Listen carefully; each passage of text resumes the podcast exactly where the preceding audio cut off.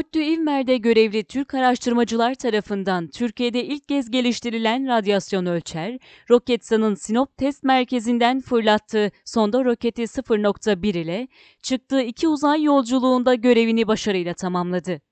Avrupa Nükleer Araştırma Merkezi'ndeki araştırmaların ardından Orta Doğu Teknik Üniversitesi'nden çalışmalarını sürdüren Profesör Doktor Bilge Demirköz'ün öncülüğünde 7 kişiden oluşan ekip tarafından Roketsan ile üniversite sanayi işbirliği kapsamında geliştirilen radyasyon ölçer ile Türkiye'nin uzay yolculuğundaki önemli kritik ekipmanlardan biri daha millileştirildi.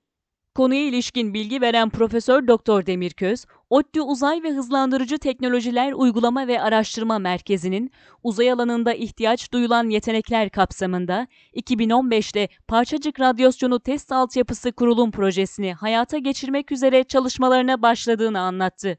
Demirköz, Türkiye'nin yer gözlem uydusu geliştirilmesine yönelik yürütülen İMC uydu sistemleri altyapı projesinde ihtiyaç duyulacak uzay radyasyon testlerinin Avrupa Uzay Ajansı standartlarında protonlar ile yapılması amacıyla ODTÜ saçılmalı demet hattının kurulduğunu dile getirdi.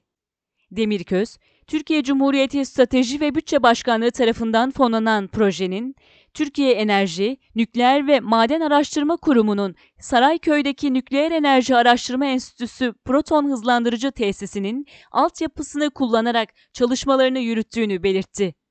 Proje kapsamında Türkiye'nin ilk parçacık radyasyonu test altyapısı olan ODTÜ SHD'nin 5 Aralık 2019'da açıldığını aktaran Demirköz, merkeze ODTÜ ile CERN arasında imzalanan işbirliği protokolü çerçevesinde CERN'den bilgi transferi yapıldığını söyledi.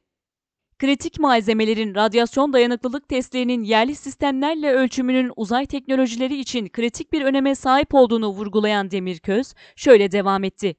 Projemizin ilk aşamasını başarıyla tamamladık ve artık radyasyon testlerinin bir bölümünü ODTÜ SDH ile yapılabilir hale getirdik. Hali hazırda birçok kuruluşun üretmiş olduğu özgün bileşen ve ekipmanların radyasyon testlerini bu altyapı ile yapıyoruz.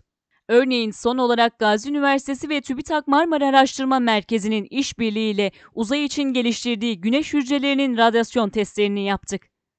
Profesör Doktor Bilge Demirköz, söz konusu radyasyon ölçerin Cumhurbaşkanlığı Strateji ve Bütçe Başkanlığı ve Savunma Sanayi Müsteşarlığı desteğiyle 2017'de başlatılan Milli Uydular için uzaydaki yoğunlaştırıcı radyasyonu ölçen ve bir çeşit test parçacık dedektörü olan yerli radyasyon monitörünün prototipi niteliğinde olduğuna işaret etti.